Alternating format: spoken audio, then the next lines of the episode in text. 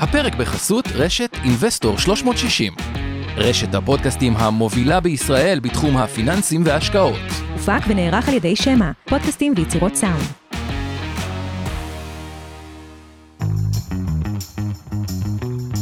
מעוניינים ללמוד יותר על עולם ההשקעות? האזינו לפודקאסטים נוספים שלנו. המשקיענים, אבנר סטפאק ועומר רבינוביץ' מדברים על כל מה שחם בעולם ההשקעות בשווקים המובילים וגם ההזדמנויות בשווקים המתפתחים. אינבסטור 360 live, אורן ברסקי ועומר רבינוביץ' מארחים את בכירי שוק ההון ועולם ההשקעות.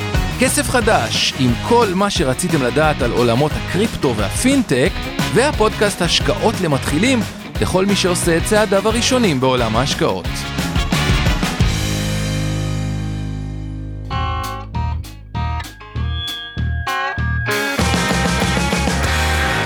המשקיענים אבנר סטפאק ועומר רבינוביץ' בשיחה חופשית על התחומים החמים ביותר בעולם ההשקעות.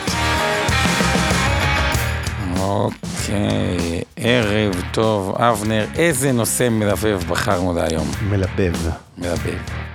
האם יהיה מיתון או לא יהיה מיתון, אה, וכמה חמור הוא יהיה, והשאלה הזאת היא עולה ומתחזקת על רקע זה שכן יש הסכמה ששד האינפלציה, הג'יני, מה שנקרא, קצת יצא מהבקבוק, ותוסיפו לזה שרוב מנהלי השקעות, זה נגיד שמעתי פודקאסט מאוד מעניין ממישהו שפרופסור, אחת האוניברסיטאות המובילות, אמר, רוב האלה שמתעסקים היום בהשקעות, לא התעסקו בעולם שבו יש אינפלציה לא צפויה. כלומר, הם לא... מה זה לא התעסקו? יש להם ברירה, אנחנו משקיעים כסף, מה... לא, אבל רוב מי שמנהלי השקעות היום, בעולם בכלל, הוא בגיל שהוא לא היה בשנות ה-80 מנהל השקעות. אה, לא הכיר אינפלציה של 444 לא, אחוז. לא בישראל, אה, עזוב בישראל, גם את הריביות של ה-17 ו-18 והדברים, והוא לא יכול לתפוס את זה, עולם של ריבית של 6, 7, 8 אחוזים, או אינפלציה שמשתוללת, ומה זה אומר, בעיקר אגב בארצות הברית, דוגמאות אגב מחוץ הברית, כמו טורקיה, שיש אינפלציה שמשתוללת והכלכלה שם מושמדת כתוצאה מזה, כן. או עוד מדינות, זה קרה. מזל שאנחנו מצילים איתם את, אה, אותם מכל הטיסות לאנטליה. כן, אה, והסיבה שהוא אומר זה כל כך בעיה, כי תחשוב על זה, מה הדבר הכי חשוב, ב... אחד הדברים הכי חשובים בעסק? כן. זה הנושא של capital allocation, מה הכוונה? אתה, יש לך יתרות נזילות, אתה יושב אבנר סוף שנה ואומר, אוקיי, קיבלתי כסף, נגיד, קח אינפרסטרקצ'ר, לבנות כביש, או לבנות שדה תעופה. ואתה אומר, רגע, איך אני, אם יש אינפלציה, ויש לי חוזה עכשיו, אני מזכיר את השדה תעופה ל-30 שנה למדינה, או חוקר, כאילו, איך אני מתמחר, כאילו, כאילו או, או, או בכלל עסק, איך אתה, איך אתה מתמחר דברים? הרי מה, אתה עושה חוזה שעולה כל שנה ב-10 אחוז, עשרה. 10 אחוזים, וברגע שיש בעיה לתמחר, ויש בעיה לתכנן, כי אתה לא יודע מה יהיה העלויות שלך, אז המרחק בין זה לבין מיתון הוא מאוד מתקצר, כי מי שיושב על מזומן הרבה פעמים מתבצר, כי אומר, רגע, אני לא יודע מה יהיה, בוא נראה. אתה לא יכול לתכנן, זה מצב קצת כאוטי, וכאוס הוא לא דבר שהוא טוב לעסקים. פוגשים את הדבר הזה שאמרתי, את החוסר יכולת לתכנן ואת האינפלציה, על שוק עבודה מאוד מתוח, ושוק סחורות מאוד גבוה, מה שמעלה את הסיכונים בכל מיני מדינות, דווקא פחות חזקות ממה אוכלים, איפה יש מזון, התפרעויות. כלומר, קח מדינה כמו מצרים, תשמע, דלק, חיטה, דברים כאלה, זה לא שהם צריכים להחליט האם משדרגים את האייפון, זה כאילו, נכון. מה אני אוכל? אז יותר פוטנציאל, ונקרא לזה כאוטי, גם כל מיני מדינות אה, כאלה. פחות כסף לצרכן, פחות חיסכון, פחות דברים, ותיקח את הנרטיב הזה, תלבה אותו קצת בזה שתקשורת עושה כסף מפרסומות ושהמצב הכל בסדר, זה פחות מוכר מ... את הדברים האלה, ואתה מקבל נרטיב אה, שהוא לא טוב. אז מה שנעשה היום, ועשה איזה break קצר ואוויר אבנר, קצת נראה לכם שקפים על נתונים, מה תכלס, מה קורה, איפה הנתונים, ועד כמה באמת צפוי מיתון, מה שקוראים נחיתה רכה, או נחיתה... מיתון קשה. אה, קשה, האם חלק מזה מתומחר. אה, רגע, וכל הנרטיב השלילי שאמרתי, אינפלציה גבוהה, חוסר יכולת לתכנן, שוק תעסוקה גרוע, יש עוד מה שנקרא ב, בנרטיב, אגב, שזה די נכון. כששוק צומח במשך הרבה מאוד זמן, יש הרבה מאוד כיסי אוויר או בועות שהן לא מטופלות. לדוגמה, הלוואה קצת בעייתית בתחום הנדל"ן, אם מחירי הנדל"ן עולים, אומרים, טוב, בואו נראה מה קורה עם זה, לא- לאו דווקא עושים מחיקה, אוקיי? או עסקים שזה, כלומר, אז כי זה כל מיני מקומות לא מטופלים, מה שנקרא כיסי אוויר בלתי ברורים כאלה, כשיש מיתון, הם גם מוחקים אותם חברות מהמאזנים. טוב, אה, תכף נגיע. לזה, בוא קיצר, נתחיל מקצת. תודות, קצת תודות ודברים קצת כאלה, פינת ואז אקטואליה. אה, אקטואליה, ואז נחזור לנושא. אז. קודם כל, תודה לאורי ש... אורי שמע, אורי טולדנו משמע שיושב איתנו פה ועושה לנו את הפודקאסט. מזכירים לכם, המשקיענים בכל הפלטפורמות, ספוטיפיי, יוטיוב, איפה שבא לכם, תמצאו אותנו, גוגל, אפל וכו'. וכמובן אנחנו משודרים גם בלייב בווידאו, ואפשר לראות לצפות בזה גם אחרי זה בפלטפורמות הפייסבוק. גם ביוטיוב, גם ביוטיוב וגם בפייסבוק, נכון? גם שלי אבנר סטפאק, גם של אינבסטור 360 של עומר. כל מה שאנחנו עושים הערב הוא לא ייעוץ השקעות, לא תחליף לייעוץ השקעות המותאם לצרכי ונכסי כל אדם. אם נזכיר פה מניות ספציפיות, וכנראה שפה ושם אנחנו נחטא בכך. צאו מנקודת ההנחה שאנחנו מחזיקים אותם בתיקי ההשקעות של מיטב, בקרנות הגמל, הפנסיה, השתלמות, קרנות הנאמנות, תעודות הצד וכולי, שמיטב מנהלת, וכנ"ל בתיקי הלקוחות של אינבסטור 360, ולכן יש לנו אינטרס שאנחנו מדברים על איזה מניה כזו או אחרת, אבל שוב, במהות אנחנו באים פה לתת את דעתנו הערב כאמור על המיתון העולמי, כן או לא. אה, ולא אה, להמליץ לכם אה, להשקיע במניה כזו או אחרת, או להימנע מהשקעה במניה וכולי. אנחנו מודים לאיתן גרבר, אנחנו מזכירים שהוא עושה לנו את כל התמלול לשפת הסימנים. סימון, סליחה, תמלול זה משהו אחר. כמובן שבנוסף יש לנו את שיר פלדמן ומיכל ירמוך האלופות שעושות את הכתוביות. נשתדל לא לדבר מהר מדי, כדי שיספיקו לכתוב את מה ש... את השטויות שאנחנו אומרים. עכשיו, וכמובן תודה לאורי אריאל האופטימית, ממשקיעים בדרך לעצמאות כלכלית, קבוצת הפייסבוק, אחת המרתקות שגם משדרות אותנו בלייב, ולעמי אה, ארביב, אורן ברסקי ואור חלמיש מהצוות של אינבסטור שעוזרים מהתכנים, ואחרי כל ההקדמה הארוכה הזאת, בוא נתחיל מקצת אקטואליה, פינת מכפילים, מה קורה בשווקים, ונצלול לשאלת המיתון, יש לי המון תובנות בנושא הזה. קודם כל, מאי, חודש קשה, צריך להגיד בכנות, זה היה אחד החודשים הרעים למשקיעים בשוקי המניות, קופות הגמל ירדו בשני אחוזים וחצי כמעט ממוצע, פה היה. דיפרנציאציה קצת בין אה, לא הייתה דווקא לא השנה, גדולה. שלוש שתיים היה הכי גרוע, ושתיים עשר היה הכי טוב, והממוצע נדמה לי מינוס שתיים וחצי, משהו כזה. לא כזו דיפרנציאציה ענקית, בכל זאת זה חודש סופר תנודתי. אז מה שאנחנו 19. רואים, לטובת מי ששומע אותנו, כי הרוב שומעים אותנו, זה בעצם את הייצור, מראים פה מה שנקרא industrial production, הייצור ייצור התעשייתי. ומה שאנחנו רוצים, רואים פה בגרף, שפתאום הייצור התעשייתי בארצות הברית מאוד מאוד אה, מתחזק. מה הכוונה? מה אנחנו רואים בשיא. פה בעצם במשבר הנוכחי? את סין טיפה מתכנסת פנימה לעצמה, היא אומרת, רגע, אני רוצה את הצריכה, את מעמד הביניים הסיני שיצרוך, ופחות להיות יצואנית לכל העולם, מה כן, שנקרא... לייצר פנימה. הדבר הזה. אגב, גם מסיבות של זיהום אוויר ודברים, הרבה דברים, כאילו, תחשבו על זה, אתה מייצר זה כאילו טוב, אבל אתה בעצם הפח זבל של העולם באיזשהו מקום. הבאת את כל הזיהום אליך הביתה, כלומר, כן, לייצר אה, ייצור הוא גם משהו שהוא, הוא לאו דווקא, אבל רואים את סין יותר פנימה מתכווצת לעצמה, ארה"ב חוזרת חזרה לייצר, פוגשים שוק תעסוקה די מלא שם גם בארה"ב, אז איזה תופעה אחת שצריכים להגיד. למה אני אומר את כל הדבר הזה? לפד יש איזושהי נוסחה שהוא אומר, מה הסיכוי למיתון שיהיה בשנה, נוסחה אובייקטיבית, מה הסיכוי למיתון ב-12 חודשים הבאים. ושאנחנו מסתכלים על הנתון הזה של הפד, שהיה ב-2020 ומשהו 36 אחוז, הוא נותן סיכוי של 3.71 אחוז למיתון שנה הבאה. כלומר, לפי נתוני הפד, הסיכוי למיתון הוא הוא נמוך מאוד מאוד נמוך, ובירידה זה גם אה, אנקדוטה ככה שכן צריך להגיד אותה. מה שקצת סותר את זה בדרך כלל, מחירי נפט מאוד גבוהים, כן סימן למיתון, כי זה קצת חונק את הכלכלה, ובעיקר בסוף יש הרבה כלכלנים שאומרים בצדק, אם מבינים ומי שהיה בסביבות אינפלציה גבוהה, וזה לא משנה עכשיו זה אינפלציה אחרי מלחמת העולם בגרמניה, או בישראל ב-430 אחוז שהיה, או ארה"ב באינפלציה הגבוהה שיש, או רוסיה בתקופה שהייתה אינפלציה גבוהה.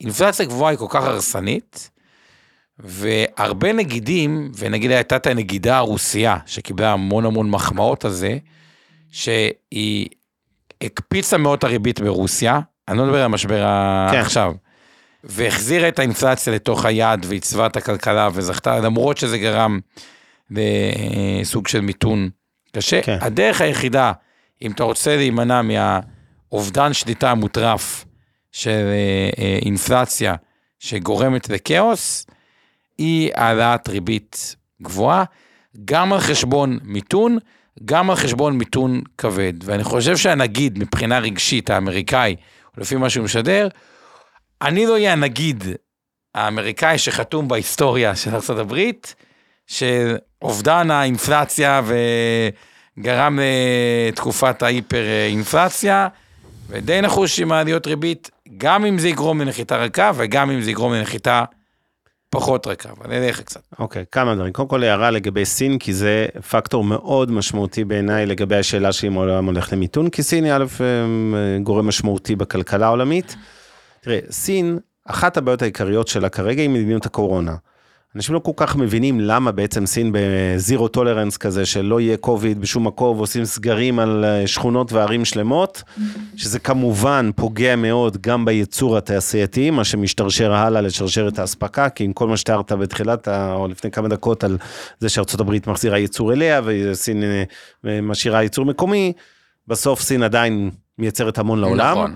וכשעושים אה, סגרי קורונה, מייצרים פחות, תוקעים עוד פעם את השרשרת האספקה העולמית, ועוד פעם אנחנו רואים מחסור בכל אולי מיני תסביר דברים. מה זה סגרי קורונה, כי נראה לי כן, בישראל לא מבינים מה הולך בסין. דיברתי עם כמה ב- אנשים שבסין.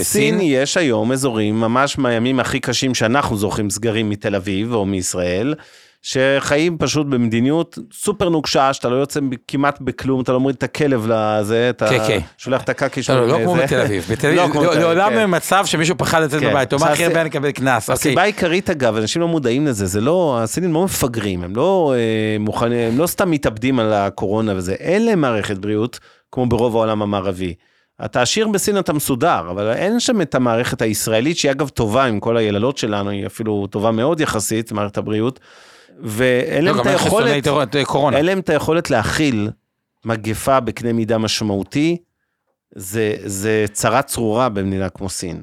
וזה, אה, והנגיד, ש- וגם צריך להגיד, באיזשהו מקום, הנשיא, זה הטיקט שלו, הנה המערב ברברים, תראו איך הם לא טיפלו בקורונה כמו שצריך, טה טה טה טה טה טה טה טה, ואיך אנחנו מסודרים, ואמורות להיות בחירות מתישהו בסין. אה, אה, הערכות, כן. אבל, אבל בוא נגיד והוא ככה, לא רוצה להגיע לשם עם... סין היא פקטור משמעותי. יש לנו, אם נחלק את השאלה על מיתון עולמי, כן או לא, אני מחלק אותה לשני סוגי קריטריונים. יש את העניינים הלא כלכליים נקרא לזה, או לפחות לא גורמים לא כלכליים, כדוגמת סין קורונה, שזה הרבה יותר דרמטי ממה שאתם חושבים מבחינת ההשפעה של זה על האינפלציה ועל הצמיחה העולמית, וכמובן הצמיחה בסין עצמה, כן, היא אמורה להתאפס. שנים ראינו צמיחה בשיעורים של בין 6 ל-10 אחוז. נכון. פתאום מדברים על אפשרות שיהיה צמיחה אפס, למה? כי כולם תקועים. אגב, חלק מהתקועים האלה בסגרים סגורים בתוך מפעל ו... כי כן, אסור להם לצאת, הם צריכים לעבוד ולייצר כל היום, אז הסגרי קורונה לפעמים זה יכול להיות בתוך המפעל, אבל בכנות לא מעט מהייצור מושבת. הצריכה גם מושבתת, כי אנשים בבית אה, הרבה פעמים לא יוצאים אה, לשופינג בחוץ, אז זה תלוי איזה סוג קניות, כמובן גם בסין יש אונליין, אבל עדיין יש הרבה דברים שהם אה, לא קונים, וזה כרגע אה, פוגע. כן, אז אני סגר- חושב, כן, אז בוא, בוא נגיד את זה ככה, אה, אם אני מחלק את הגורמים רגע לשאלת המיתון, אז אה, בהחלט הסיפור של ה... אה, נקרא לזה שסין הוא פקטור משמעותי ולא מצחיק. אני אומר את זה כי בסדר, מדברים מה הקורונה בסין, את מי זה מעניין, כבר כולנו שכחנו בקושי מה זה, עוד רגע מבטלים פה חובות בידוד וזה, וכאילו זה, לא, חבר'ה, זה רציני, זה פוגע בכלכלה בסוף, גם אם זה לא גורם כלכלי בתחילתו. צריך לזכור, זה גם עם פחות ייצור, זה גם פחות צריכה, ולכן ברגע שכלכלת סין מגיעה לצמיחה אפסית, אז כמובן זה חלק לא קטן מהשיעור הצמיחה העולמי, זה משפיע. סיפור השני זה המלחמה באוקראינה, גם היא קצת underestimated, באיזה מובן? מדלג על ה... או מתעלם לרגע למרות שקשה לי מהטרגדיה האנושית הנוראית, כי כל העולם כבר שכח שיש מלחמה שם, אבל בפועל, איפה ההשפעה של זה על שאלת המיתון העולמי? בכל שאלה של מחירי הסחורות. הטריגר המרכזי, או אחד המרכזיים, לכל מה שראינו בשנה החולפת בעליית מחירי סחורות, הייתה מלחמה באוקראינה. בין אם זה סחורות של רוסיה שתחת סנקציות, בין אם זה סחורות בהיקף יותר קטן שאוקראינה הייתה מייצאת לעולם ותקועה עם מלחמה. למה זה משפיע כל כך? כי קודם כל, זה כמובן מייצר אינפלציה עליית מחירי הסחורות. זה מקטין את הצריכה, אם אני משק בית ואני צריך לשלם על החימום שלי בבית בגלל שהנפט עלה והכל עלה והאוכל עלה, ואני פתאום משלם אה, במקום 100 אה, דולר לחודש אה, או 100 יורו לחודש 180 יורו כי עלה לי מחיר אנרגיה אז אני כנראה גם צורך קצת פחות ב-80 יורו הזה מוצרים אחרים, וזה פוגע בצריכה הפרטית. יפה, שבארצות הברית וגם ממשלות, צריך לזכור, משקיעות המון, הרבה יותר בעקבות עליית מחירי הסחורות, ופחות בהשקעות אזרחיות. עכשיו, ארצות הברית זה לא גוש דן, שבן אדם מתלונן פה למוות, אה, נסעתי חצי שעה בפקקים, איך אני חי. יש שם אנשים שכאילו נוסעים, מרחקים. כאילו, הרבה, זה כאילו... עכשיו צריך להגיד עוד משהו לגבי מחירי הסחורות, כי הם פקטור משמעותי. ההיסטוריה מראה שכשבשנים שבהם מחירי סחורות עלו ביותר מ-25 אחוזים, הצמיחה העולמית נחתכה בחצי. זה לא אומר מיתון עדיין, זה רק האטה מה שנקרא. כלומר, אם הצמיחה העולמית הממוצעת, נגיד ב-20 שנים האחרונות, לדעתי הייתה באזור 3 אחוז, ממוצע עולמי אני מדבר. מן הסתם אסיה יותר, אירופה, ארה"ב פחות. סליחה, לא ארה"ב, אירופה פחות. ישראל גם קצת מעל הממוצע. בסופו של דבר, בשנים כאלה שמחירי הסחורות כמו עכשיו, או מזנקים מעל 25 אחוז, ראינו את הצמיחה כמעט על אוטומט יורדת מ-3 אחוז לאחוז וחצי. כמובן, מן הסתם זה גם תורם לאינפלציה, וכמו שאמרנו, מוריד את הביקושים למוצרים אחרים, מבחינת כוח הקנייה אה, של משקי הבית אה, העולמיים. עכשיו, אז אם אני מסתכל רגע מה הגורמים שתומכים בתזת בכל זאת מיתון משמעותי, תכף נעבור לגורמים השניים, אז אמרתי שני גורמים במקרה זה לא כלכליים או לא כלכליים ישירים, זה סין, קורונה ואוקראינה, רוסיה, מלחמה. להוסיף את זה רגע, רגע. כן. עוד דבר אחד, פקטור מאוד משמעותי, תחושת העושר. מה הכוונה? אנשים בדרך כלל צורכים, וראינו את זה בישראל כדוגמה טובה, כשאתה אופטימי, אתה צורך יותר, נוסע יותר, קונה את הדירה היותר גדולה, מתחייב למשכנתה יותר גדולה, מתוך הנחה שהעתיד יהיה טוב. כשאתה, פתאום שווי המניות נחתך, הנדל"ן נחתך, האפקט הוא פעמיים. אחד, יש לך פחות, ברמה האובייקטיבית אפשר לצרוך פחות. פעם שנייה, היכולת המנטלית, להגיד, אה, אוקיי, מפה יהיה בסדר, זה זה, לא. כשמשהו יורד, אתה אומר, ומה אם ימשיך לרדת? כפי שאתה נותן, כן, זה יורד, נכון. סבבות, כלומר, תחושת העושר. מסכים איתך. אה, אה, האובייקטיבית טיפה אה, נפגמה. תחושה זה לא דבר אובייקטיבי מלכתחילה, אבל אני מסכים איתך שהתחושה לא, נפגמה. לא, תחושת האור. כן, שוב. זה פסיכולוגיה. בנוסף, בנוסף לאובייקטיביות שיש פחות, גם התחושה ירדה. תחושה יותר חשובה. ועלות רכישת נכסים פיזיים של נדל"ן התייקרה כי הריבית יותר יקרה. כלומר, כן. גם על אותה דירה שעלתה את המיליון דולר נגיד, בעבר, ועם המשכנתה, סתם דוגמה, 1.3, 1.2, היא פתאום עולה הרבה יותר. יותר. כי הריביות עלו ואתם משלמים הרבה יותר משכנתה שלכם. גם בדיוק הדוגמה שנתתי על, אה, דיברנו, ניתחנו את שוק הנדל"ן לפני שני מפגשים. זה בדיוק מה שאמרתי, שאנשים לא מודעים לזה שההתייקרות של הריביות על המשכנתה בחודשים האחרונים, לא רק שמחירי הדירות עלו בין 16 ל-20 אחוז בממוצע ישראל, תלוי אם זה חדשות או כל השוק, אלא שזה בעצם עלה בעוד 10 אחוז בערך רק על ההתייקרות של משכנתאות. נכון, כי זה גם ריבית יותר יקרה וגם לוקחים משכנתה יותר ארוכה. כן, אבל אם נחזור רגע לגורמים אה, בעד, נקרא לזה מיתון עולמי, אז מלבד הלא כלכליים שהזכרנו, אני מסכים איתך גם התחושת העושר שהיא גם סוג של גורם פסיכולוגי לא כלכלי, היא גם בהחלט תומכת בזה, בהייטק זה מאוד בולט, אנשים שישבו על אופציות או מניות שכאילו שוות על הנייר 2-3 מיליון דולר, אם זה היה אופציות, הרבה מהם שוות אפס עגול. אפס עגול. אפס עגול. כן, אמר לי בן אדם שמפעיל בדיוק. כן, אותם הייטקיסטים תל אביבים שעל הנייר הרגישו מאוד עשירים. מישהו שהיה 30 מיליון שקל שווה אפס, כי זה בתור הכסף ומחוץ לכסף, זה משחק מאוד אכזרי. אז בסופו של דבר, אה, מלבד שלושת הגורמים האלה, רוסיה, אה, אוקראינה, סין, קורונה והגורם הפסיכולוגי הזה של תחושת העושר, גם הצד הכלכלי, אני אגיד ככה, קודם כל, יש לנו את בעיית האינפלציה, זה כמובן ביצה ותרנגולת, אבל כרגע נגידים בכל עולם מן הסתם מעלים ריבית ואפילו אולי יותר ממה שכולנו. הערכנו לפני חצי שנה. אין כמעט תקדים שהצליחו לרסן אינפלציה בלי, בלי העלאה משמעותית של הריבית, 2-3 נכון. אחוז, אוקיי? שזה לכשעצמו תומך במיתון, כי אנחנו אומרים, אוקיי, אם הריבית תהיה גבוהה, אנשים יצרכו פחות, יעדיפו נניח לחסוך יותר, אם זה לשים כסף בפקדונות ולקבל פתאום ריבית נורמלית, ו... או באגרות חוב אגב, מקבלים היום, שייתנו, הריבית הדולרית של לקוחות אצלנו לפחות דה פקטו מקבלים 103 אחוזים. שזה מטורף. אה, אבל נניח שלא כולם רוצים חשיפה לדולר, אז עדיין בשקלים לא מקבלים את זה, אבל בכל מקרה, תחשבו שהייתם מקבלים חמישה אחוז לשנה באיגרת חוב לעשר שנים של ממשלת ישראל, זה לא מצב כמובן, נניח תאורטית, אז יכול להיות שפחות בא לכם עכשיו לבזז כסף על מכונית חדשה וצריכה, והייתם כן. משקיעים יותר זה, ומצד שני, גם חברות שצריכות חוב כדי לממן צמיחה, לקחת אג"חים בבורסה בתל אביב בשלושה אחוז, זה סיפור אחד, לק- לקחת את הכסף הזה בעלות של שבעה אחוז לשנה ריבית, זה כבר סיפור אחר, ולכן זה גם מוריד את התיאבון להשקעות של המגזר העסקי, כי החוב מתייקר, הוצאות המימון עולות וכולי.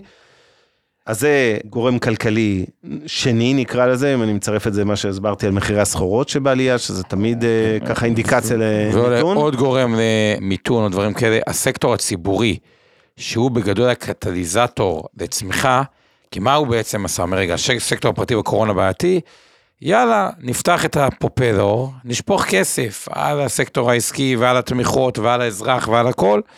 עכשיו הוא בתהליך התכנסות פנימה, רגע, בוא, הגירעון הוא כבר גבוה, מוציאים פחות. אגב, בישראל, ארבע חודשים מתחילת השנה, אנחנו בעודף, ארבעה.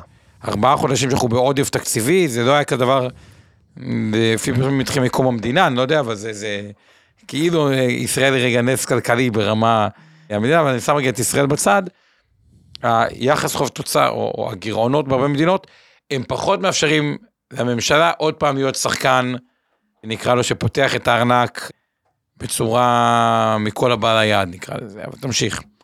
טוב, יש, אה, אני רוצה קצת להתייחס, אה, לפני שאני עובר לגורמים שתומכים בזה שאין אה, סכנת מיתון שאין משמעותית, נכת הרכה. תכף נגיע לזה.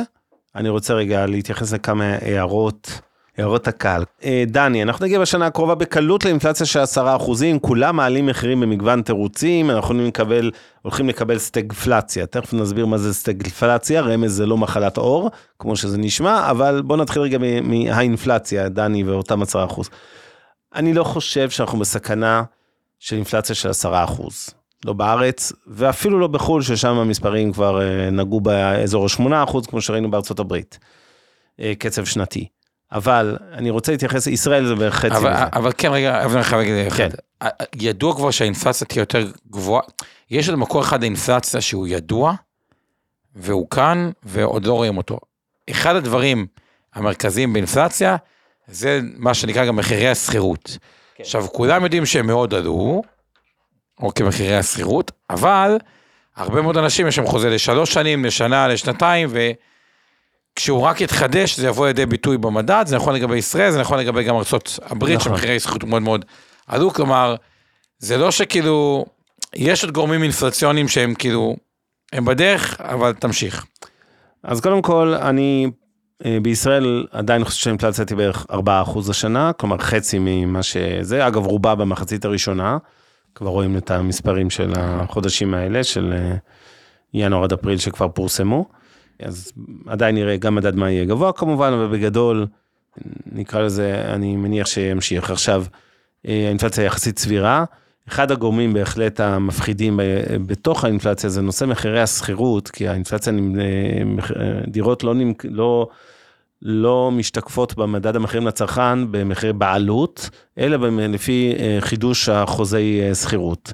עכשיו, הדבר הזה, צריך להגיד בכנות, מה שקרה בשוק הנדל"ן בישראל, עם העלייה מאוד מאוד מאוד מאוד חדה אה, של שוק הדירות, זה שבעצם שוק השכירות לא הדביק את זה. זאת אומרת, התשואה על- השקעות בדירה ירדה. מחירי השכירות עלו, אבל פחות משיעור עליית מחירי הדירות. לא, אבל חלק- מהזכויות בכלל עודכנו, כי הם היו שש שנים בלי קשר לעלייה. לא, זה בלי קשר, בסדר. אני אומר, המחירים, האחוזים שכן מתחדשים, נכון.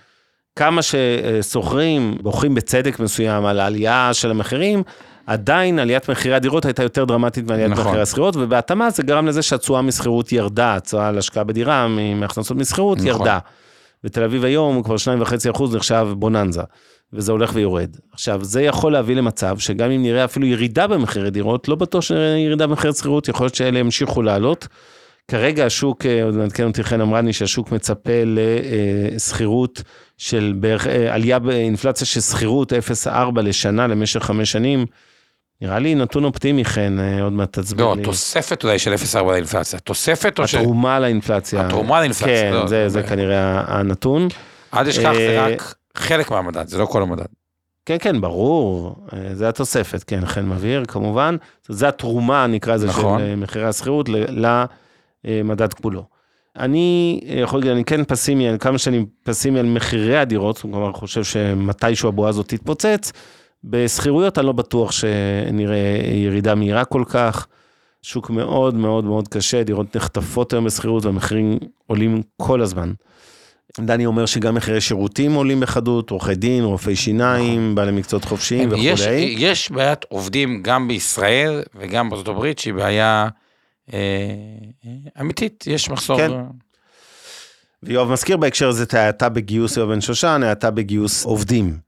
אז פה אני חייב להגיד, ההאטה בגיוס עובדים היא קצת תוצר, זה שוב תמיד שאלה של אה, ביצה ותרנגולת, כן? אבל כשנסדק חוטף, או הישראליות בנסדק חוטפות ירידות של עשרות אחוזים, לפעמים גם 70, 80, 90 אחוז אה, נפילות, ברור לכם שיש האטה בגיוסים, וזה גם מקרין על חברות טובות יותר, ראינו כל מיני הצהרות של קרנות הון סיכון זרות וישראליות, שקוראות לחברות הפורטפוליו שלהם, אותן חברות שבהן הם השקיעו, לקצץ, לייעל, להיזהר, לא להגדיל הוצאות. בוא נגיד מסיבות פורים שנה הבאה כבר לא יראו כמו החגיגות שראינו לפני שלושה ארבעה חודשים ובטח לא כמו אלה שראינו שנה שעברה, ומסיבות הקריסמס יהיו יותר צנועות אם בכלל יתקיימו, זאת אומרת העולם הזה משתנה. ולא ספק יש שם האטה בגיוס עובדים, אבל עדיין לא להתבלבל. כמו שאמרתי מחירי השכירות, אני אגיד את זה גם על נושא השכר והעובדים. העולם סובל ממחסור אדיר בעובדים, אדיר, המשקם, אתם רואים את המספרים, מספרי התעסוקה, וזה אגב, עוד רגע נעבור לצד האופטימי, למה לא צפוי מיתון חריף, אחת הסיבות זה שוק העבודה. תראו את נתוני התוספת לשוק העבודה באפריל, נדמה לי היה 330 אלף אם בארצות הברית, מעל הצפי באיזה 20-30 אלף. בוא נגיד ככה, הנתונים של שוק העבודה ברוב העולם הם חזקים, שיעורי האבטלה הם יחסית נמוכים על ציר ההיסטוריה, אחרי שבקורונה ככה ראינו איזה זינוק אה, זמני, שיעור האבטלה הוא נמוך. וכשאנשים עובדים והמשכורות עולות, אז זה גם גלגל שמזין, קל, קל להם יותר לצרוך, הם מרוויחים יותר, נכון שגם המחירים עולים, אז ריאלית הם לא בהכרח מרוויחים הרבה יותר. בחלק הפסימי, בכוח הקנייה. אתה מחזיר לחלק? לא, לא, אני, אני כבר, אני את התירוצים לפסימי סיימתי, אני עובר עכשיו לאופטימי, שנייה, זה לא היה הראשון בתור, אבל כן. אז קודם כל רגע, בפסים בואו רגע נראה את מטרת הדיון. כאילו, כן. רגע, אני רוצה רגע לחדד, כאילו, למה אנחנו עושים את זה? כי נשאלת שאלה על ידי הרבה משקיעים, אוקיי? אם המכפילים סבירים, האם עכשיו זה כבר נכון להגדיל חשיפה, והיסטורית מי שהשקיע במכפילים סבירים, סביב הממוצע, עשה עסקה טובה, כלומר, תשקיע במכפילים סביב הממוצע, תעשה את הממוצע. הממוצע פשוט הוא 8, 9, 10 אחוזים. כן. שהוא כשלעצמו טוב, או האם בעצם כתוצאה ממיתון, או הרעה, או גם יש תחושת חוסר נוחות בגלל הנרטיב, אבל אין תחושת פאניקה. כלומר, תוסיף לזה רק איזשהו מטוס מעל טיוואן של סין מופל בטעות, או כל אה, לא, כן. תרחיש אפוקליפטי כזה, ברבור שחור קוראים לזה. מפה כשאתה אומר, רגע, העולם, כולם מבינים, הוא כמו גומי, הוא יודע להימתח, כאילו, הוא די אלסטי גם, היזמים, אבל אתה, יש גבול לכמה אפשר לקפל את הרצועה בלי שהיא, אז אתה אומר, אוקיי, קורונה, עברנו. קורונה פלוס קורונה וסגרים מטורפים בסין, אחלה. רוסיה, אוקראינה, אין נפט, אין גז, בסדר. התמודד. נתמודד.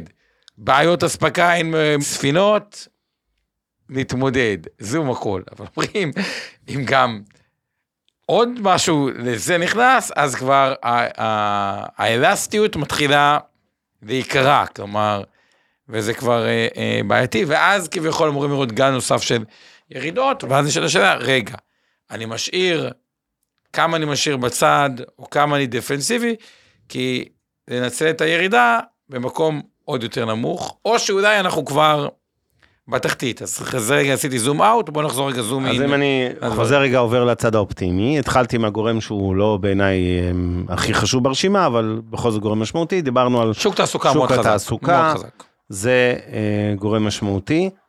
אתה יודע מה, אני, סליחה, אני, בעקבות ההערה של עדי, אני רוצה להתייחס לעוד משהו אחד רק בצד הפסימי. כל סוגיית התחמושת, צריך לזכור, אה, רמת החוב הגלובלי, ובעיקר הוא מזכיר בצדק את ארצות הברית, החוב הפדרלי, מה שנקרא שם, של אתה המרכזי. חושב שחברות ופרטים פחות. כן, אבל אני מדבר על החוב. של ממשלות, מאוד גדול. תרגילי הדפסות הכסף, כבר בוא נגיד, אין, אין יותר מדי תחמושת להמשיך עם נכון. זה, בטח לא בסביבת אינפלציה גבוהה, ולכן צריך להביא בחשבון שעוד יותר לכאורה נדרשת העלאות ריבית כדי לקרר את האינפלציה מהרגיל. בוא נגיד ככה, זה, זה קצת tricky הסיפור הזה, אז, אז כן, יש עוד, אה, נקרא לזה, אה, סיבות לפסימיות בצד של המיתון. אני עובר לצד האופטימי, אז א', שוק התעסוקה זה סיבה אופטימית ראשונה, הוא חזק מאוד, הוא בשיאו, גם אגב צווארון כחול, השוק הישראלי מאוד שונה מהשוק העולמי, כי אנחנו יותר מוטי צווארון לבן ויותר מוטי הייטק. למרות שהייטק הוא רק עשרה אחוז אה, פחות או יותר במישרין. יותר. לא, אני לא מדבר כולל מעגלים מסביב, אה, כן, אה, שהוא מפרנס מסעדות כל ושליחויות המאכלים. זה, כן, זה הכל. איך? זה רובו. זה רוב רוב. השוק. אה, אנחנו בקיצור, טפילים. כולנו טפילי. הייטק.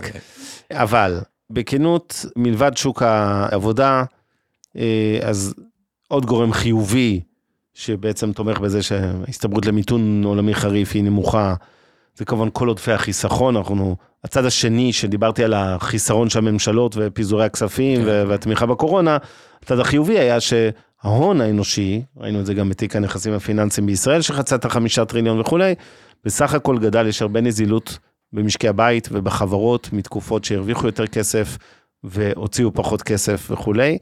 אני מדבר על בעיקר משקי בית וחברות שפחות בזבזו. גורם שלישי חיובי נקרא לזה, זה כל הנושא של ביקוש אה, חזק יחסית לשירותים וצריכה, זאת אומרת, חזרנו לנורמליות אחרי תקופת הקורונה. גורם רביעי נקרא לזה, זה כל עולם הטכנולוגיה, מאיזה זווית, לא החברות שקרסו בבורסה, לא, אלא... אני מדבר, לא, לא, אני מדבר על, על, על באמת ההשקעות הריאליות בטכנולוגיה. זאת אומרת, מה שקרה במשבר האחרון ומתעצם עכשיו ממשבר הקורונה למשבר כוח האדם העולמי, מאלץ חברות וגם ממשלות להשקיע המון בטכנולוגיה. אז בקורונה זה היה כדי להתאים לעבודה מהבית, וגם כדי להעלות את שיעור המסחר האלקטרוני לחברות שמוכרות אה, שירותים או מוצרים באינטרנט, זאת אומרת, יכולות למכור אותם באינטרנט. הרבה מאוד פרויקטים, ראינו את כל החברות ה-IT הישראליות שככה נהנו מביקושי היתר וצמיחה בהכנסות וברווח. אני רוצה להרחיב רגע מה שהיה על כן. הנקודה הזאת. באיזשהו מקום יש שתי דברים שמדכאים חדשנות. מחירי אנרגיה נמוכה, באיזשהו מקום מדכא את האנרגיות המתחדשות, עזבו את הקטע הסביבתי שהוא חזק, כי מבחינה כלכלית אין מוטיבציה לאנרגיה מתחדשת, או לאנרגיה, כשמחירי האנרגיה זולים. אז אנרגיה גבוהה לאורך זמן, היא יכולה לייצר יותר יזמות שתעשה את התחושת נחיצות של קפיצה בטכנולוגיה של אנרגיות מתחדשות. אותו דבר, מחירי אה, מינימום זולים לעובדים, זה באיזשהו מקום מדכא את הצורך של החברות לעשות השקעות הון משמעותיות בטכנולוגיה פרודקטיבית. כי אומרת, וואלה, יותר זול להביא יותר, עוד עובד מקדונלדס, במקום אותו עמוד במקדונלדס שאתם כבר מזמינים ומקבלים הכל וכבר שולח לכם את ה-recommendation אה, וכו'. אה, ההשקעות האלה שעכשיו מבוצעות, הן תורמות, הן בדיוק מה שמקפיץ את רף הפרודקטיביות ואז יותר משתי חברות על משכורות, על מי שכן נשאר, להשקיע בו יותר ושיקבל משכורת יותר גבוהה, ואומרים, רגע, הטכנולוגיה הזו מייתרת אנשים, זה לא נכון. כל פעם שיש קפיצה טכנולוגית, היא פשוט דוחפת את שאר האנשים, אז סקטור השירות, השירותים עולה, סקטור אה, התיירות עולה, כאילו כל מיני דברים של פנאי ודברים אחרים. כן, תראו מה קורה היום בעולם במחירי טיסות, מי שניסה להזמין טיסה לניו יורק היום, או ידים רחוקים? זה מטורף, מטורף, מטורף, פשוט מטורף. כמה? פרימיום אקונומי, זה המחלקה שבין אקונומי לביזנס, הלוך חזור, כמעט 4,000 דולר, אומנם כולל טיסת פנים. אקונומי? כן, פרימיום אקונומי. וואו, יקר. פעם טיסה בביזנס הייתה בערך 500 דולר, היום ביזנס לדעתי זה 7,000 דולר, אם אתה טס, לקחת כל פרימיום אלה זה אקונומי, טיסת נכון? כן. פנים, אה, צריך להגיע לדנבר, לקחתי פרימיום אקונומי, תראו, אפילו אבנר עם כל אפילו מצבו, אני, אתה רואה, הנה- הדוגמה ללמה יש מיתון. נכנס למקדנה. יאללה, פרימיום ירדתי. ממחלקה ראשונה למתה מטען. מדהים, סתם, אני לא טס ראשונה. אבל, אז אם אני. חוזר רגע באמת ברצינות לגורמים החיוביים, דיברנו על כמה מהם, על עודפי החיסכון, על שוק כוח האדם, על הביקוש לצריכה, על כל נושא של השקעות בטכנולוגיה, כל נושא שרשרת האספקה, דיברנו על, על הצד הנגטיבי של סין, קורונה וכל הבעיות. הצד החיובי של זה, ראינו איך הייצור התעשייתי בארצות הברית בשיא כל הזמנים.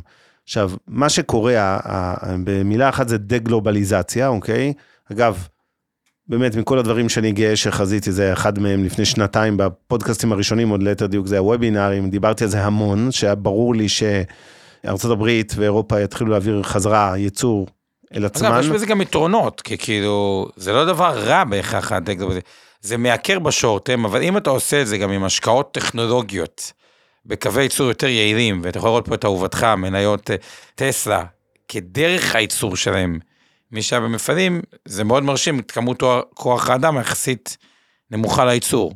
כן, אני לא, אני המפעל האחרון של נייר טואלט שהייתי זה היה של אה, מולט שם, שעושים את הלילי הזה וזה, אבל בסדר, אני מוכן לבקר גם מפעלים של טסלה, לראות איך עושים את זה בחו"ל, זה תמיד מעניין. בגדול, אז שרשרת האספקה הזאת, כשבאה ארצות הברית ומתחילה להקים מפעלים בארצות הברית, זה כמובן תומך צמיחה, אבל לא מיתון, אוקיי? עכשיו, אם נסתכל רגע במבט על, גמרתי עם רשימת ה... כן, שיקולים החיוביים שלי נקרא לזה, אבל אם נסתכל, אה, כי סליחה עוד דבר, זה כל נושא האקלים כמובן, הרמת מודעות, אתם יודעים, בשנתיים האחרונות לכל נושא משבר האקלים בעלייה מטורפת, זה עוד תחום שמצריך השקעות עתק, ומדינות כן מקצות אליו הרבה, וגם חברות עסקיות. זה גם תומך צמיחה או מעכב מיתון נקרא לזה. כן, אגב, עוד דבר טוב במשברים, אפילו רגעיים ודברים כאלה, זה מחייב חברה וחברות להפסיק לדבר בסיסמאות על הכנסות ויותר להיות פוקוס כאילו על רווח, להרוג מיזמים חסרי תוחלת, להתמקד במה שעובד כן, זה ביניהם. הצד הבריא של- זה הצד הבריא של. ה... זה, אבל אוקיי, תמשיך. כן, אני חושב, אם אנחנו מסתכלים רגע על ה... כל הנושא של ה... אם נסתכל רגע מ-30 אלף רגל על תחזיות הצמיחה העולמיות, אוקיי? כל ה... אתם רואים שהתחזיות בחודשים האחרונים של קרן המטבע העולמית, שהיא אחד הגורמים העיקריים, אבל לא רק שלהם, גם של אנליסטים בבנקי השקעות בחו"ל, כל הזמן אה, מורידים את התחזיות אה, לצמיחה, ועדיין התחזית העולמית ל-22 היא אה, שלושה אחוזים וחצי ממוצע כלל עולמי. בישראל היא קצת מעל 4 אחוזים, נדמה לי 4.4 אחוז תחזית לשנה. אגב, אני חושב שישראל תצמח במעל 5 אחוז, הייתי אומר מעל 6 אחוז עד לפני חודשיים שלושה, אבל בכל זאת גם פה כבר יש סימני האטה ראשוניים. אגב, מדברים על שני סקטורים שזה מורגש בהם, אני עוד לא... שלושה סקטורים, הייתי אומר, נדל"ן, אני לא רואה את זה עדיין במספרים, יש טענה שבשבועות האחרונים רגיעה שם, נראה את זה ב- נניח בנתונים של עוד איזה חודש-חודשיים, אם זה נכון, אני לא בטוח. סקטור האופנה כמובן, אני מכיר אותו טוב, אה, בוא נגיד, ל- מרגישים את זה שם. גם בהייטק כמובן יש התמתנות, רואים את זה בגיוסי כוח אדם, מי שהזכיר את זה קודם. נכון. חד משמעית. ועדיין זה תחזית לצמיחה. עכשיו, אמרת קודם, הזכרת שהתחזית למיתון בשנה הבאה, בארצות הברית, לפי נתוני הפד, זה בערך אה, סיכון, סיכוי לא, לא, למיתון יכול אמיתי להיות של. רק 4%. אני לא קונה את זה, אבל אני אוקיי. רוצה להגיד את ה bottom line שלי. ה bottom line שלי זה שאני לא מפחד ממיתון, הסיכוי למיתון הוא נמוך, הוא לא 4%, הוא הרבה יותר מזה, אבל הוא עדיין, הוא נניח 25%, הוא לא 90% ולא 50%. גם אם יהיה מיתון, אני לא צופה הרבה שנים רעות, ויש לזה סיבה, לא סתם לזרוק את זה לאוויר. באופן כללי משברים נהיו אלימים וקצרים, כמו שראינו בשוקי המניות, אני חושב שזה גם נכון לגבי כלכלה עולמית. האלסטיות וחוסר, היכולת, אה, נקרא לזה, אה, לחזור מהר, לעשות ריבאונד מהיר, היא גבוהה מאוד. בכל העולם. ולכן, בסופו של דבר, שצריך להגיד גם בכנות, יהיה פה עוד גורם טכני. אם השנה סין תצמח רק באפס, וזה פוגע כמובן בצמיחה העולמית, כמעט בוודאות שנה הבאה נראה צמיחה חזקה. זה קצת אה, משהו טכני, כן, סטטיסטי, זה כמו שברבעון הרביעי בישראל ראינו צמיחה מאוד חזקה. למה הרבה גופים שהעריכו צמיחה עוד יותר חזקה השנה קצת הורידו? כי אומרים, אוקיי, רבעון רביעי היה כל כך חזק פה, אז חזקה, כן. אז בהשוואה יהיה קשה. אבל בגדול, וסין נראה תמונת מראה הפוכה, אם הצמיחה תהיה שנה שואפת לאפס, כנראה שהסגירי קורונה האלה לא הולכים להיות איתנו שנים, ואפילו נראה ריבאון טכני, וזה גם יעזור לצמיחה העולמית באיזשהו מקום בשנה הבאה, אה, לאזן את זה. אז אני בשורה התחתונה חושב שאנחנו לא הולכים למיתון עולמי משמעותי, גם אם הסיכון לכזה מיתון הוא הרבה יותר גבוה מהתחזיות של אנליסטים, הוא עדיין מספיק נמוך כדי שזה לא גורם שמאוד מדאיג אותי ברמה של אה, מדיר שינה מעיניי. אז אה, אני יש לי שתי, שתי, כאילו, שתי מחשבות. בוא נתחיל רגע מרמת המסלולים ונעבור אחרי זה רמת המניה הבודדת, אוקיי? לא, קודם כל השאלה הבסיסית של אה, צמיחה ומיתון, עזוב רגע מסלולים וזה. בוא נתחיל מזה. זה, איך אמר בן אדם, לנתח את העולם זה משוואה עם יותר מדי פרמטרים כאילו נעלמים. בואי נגיד ככה. העולם פחות בנוי לעוד הפתעות שליליות עכשיו, כאילו דברים איזה, קיבלנו מספיק. כלומר, כן, כאילו, ברבור, כאילו, יש פה סיטואציה שהיא יותר רגישה, כאילו, מבדרך כלל, יש פה נרטיב שהוא כבר שלילי, פשוט צריך משהו שיקרר את ה... כאילו, יש מדורה שנדלקה, שאלה אם יוסיפו אליה שמן או מים, שאלה שימים יגידו, וזה מחזיר אותי לשתי תשובות, אחד ברמה של המסלולים, בסוף, כמה שזה לא נעים, כאילו הנרטיב הוא לא אינטואיטיבי, ואשכול זה אחד מהדברים הכי פחות הוא אינטואיטיביים. וכל החכמים שאומרים, היה מיתון, חיכינו לזה, מי שאמר, כן, המכפילים היו קצת מעבר לממוצע ההיסטורי, הפסיד את הגל 2011-2021, שהיה אחד מהגלים הכי עולים בהיסטוריה, ועדיין רק בחמש שנים האחרונות, מי שמרגיש על הגדר, שלא ירגיש שהוא היה כזה גאון, כי הנסדק עשה פלוס 120 אחוז. אז לכל מי שחיכה על הגדר ומרגיש טוב עם עצמו, אז לא, עדיין עלה 120 אחוז. הנסדק, אל תרגישו טוב עם עצמכם. גם אחרי הירידות האחרונות, אני טיפה מקצין את זה כדי להראות עד כמה זה לא אינטואיטיבי, כי התחושה היא שכל מי שהשקיע אכל אותה. כאילו, יש איזה נרטיב, אה, השקעת בשוק ההון, אכלת אותה. המציאות היא, הנסדק S&P ישראל, הכפלת את הכסף בחמש שנים, או גם קצת פחות מזה, אם אתה כן. אה, אה, מנייתי. אני עדיין אז- חייב להגיד, רק אה, אם עושים אימפלמנטציה של כל מה שאנחנו מדברים עליו הערב לנושא שוק המניות, יותר מאשר אני מודאג לגבי אחוז אה, המניות בתיק, שלהפך, אני חושב שזו תקופה להעלות אותו כנגזרת של הירידות בשווקים וירידת המכפילים, אה, גם החזויים קדימה, לא רק כמובן המכפיל האופטי האחורנית, במראה האחורית, כמו שאומרים.